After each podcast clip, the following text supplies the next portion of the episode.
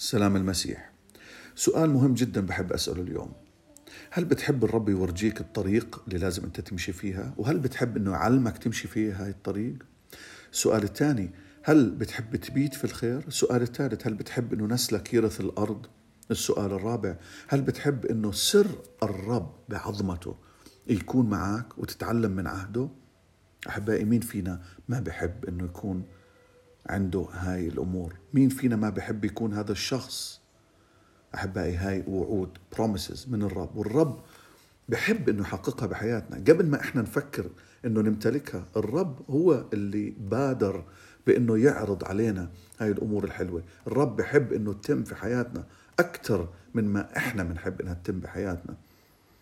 لكن أحبائي الله عنده مبادئ وعنده قوانين. عشان أمتلك هاي الوعود لازم أبحث عنها وأبحث عن الله عشان أمتلكها. مين هو الشخص اللي عنده هاي الأمور في حياته؟ مين هو الشخص؟ والجواب أحبائي يكمن في السؤال اللي سأله داود بعدد 12 من مزمور 25 داود بيسأل شو تعريف الإنسان اللي بخاف الله؟ وإجابة الرب كانت لداود يا داود اللي بتشوف إنه عنده هالأربع شغلات بتشوف إنه هذا هو الإنسان اللي بخافني. يا داود أنت عم تسأل هذا السؤال والإجابة أنا عم بحكي لك. اللي بتشوف إني أنا عم بورجيه الطريق زائد إني عم بعلمه يمشي فيها. اللي بتشوف إنه عم ببيت في الخير. اللي بتشوف إنه نسله يرث الأرض. اللي بتشوف إنه سري معه هذا هو الشخص اللي بخافني. هذا هو الشخص اللي بخاف الله. لكن أحبائي ضروري كمان نشوف مزمور 86 11 اللي بيحكي وحد قلبي لخوف اسمك. يعني ما يكون إشي جوا قلبي أو اتجاه قلبي إلا شيء واحد إنه أخاف اسمك أخافك يا رب. لما يكون دافعي إنه قلبي يكون فقط بخاف الله مش مصلحة حتى أمتلك الوعود لكن يكون تركيزي الفوكس تبعي هو أني أخاف الله تلقائيا الوعود هاي رح تيجي على حياتي. الرب صادق وأمين. راح يتمم هاي الوعود في حياتي. الوعود هي أحبائي أول شيء الرب يعطينا الطريق.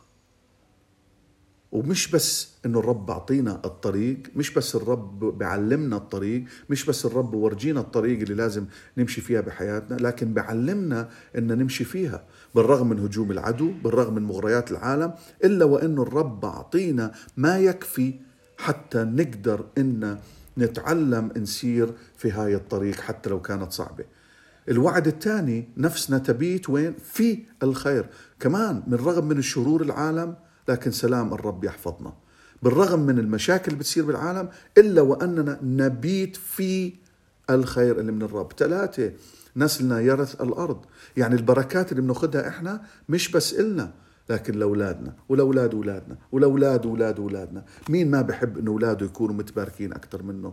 والوعد الرابع هو سر الرب بالحياة العامة وبالحياة الخاصة. الرب رح يعطيني إني أفهم كلمته الرب رح يعطيني إني أفهم خطته.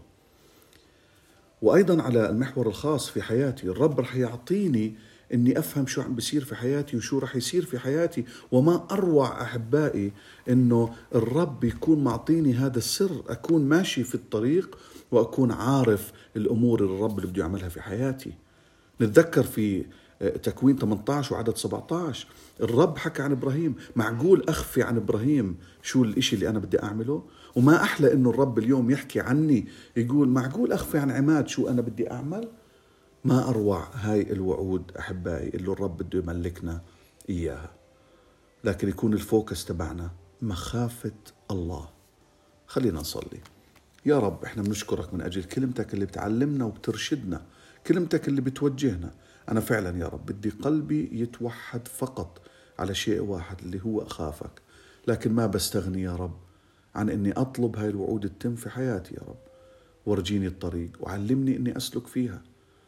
نفسي تبيت في الخير بالرغم من مصاعب الحياة بالرغم من أمور الحياة لكن علمني يا رب أكون في خير دائما.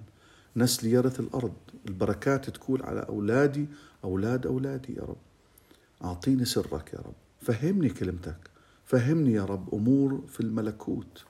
وأيضا أعطيني أني أفهم شو عم بيصير في حياتي وشو رح يصير في حياتي.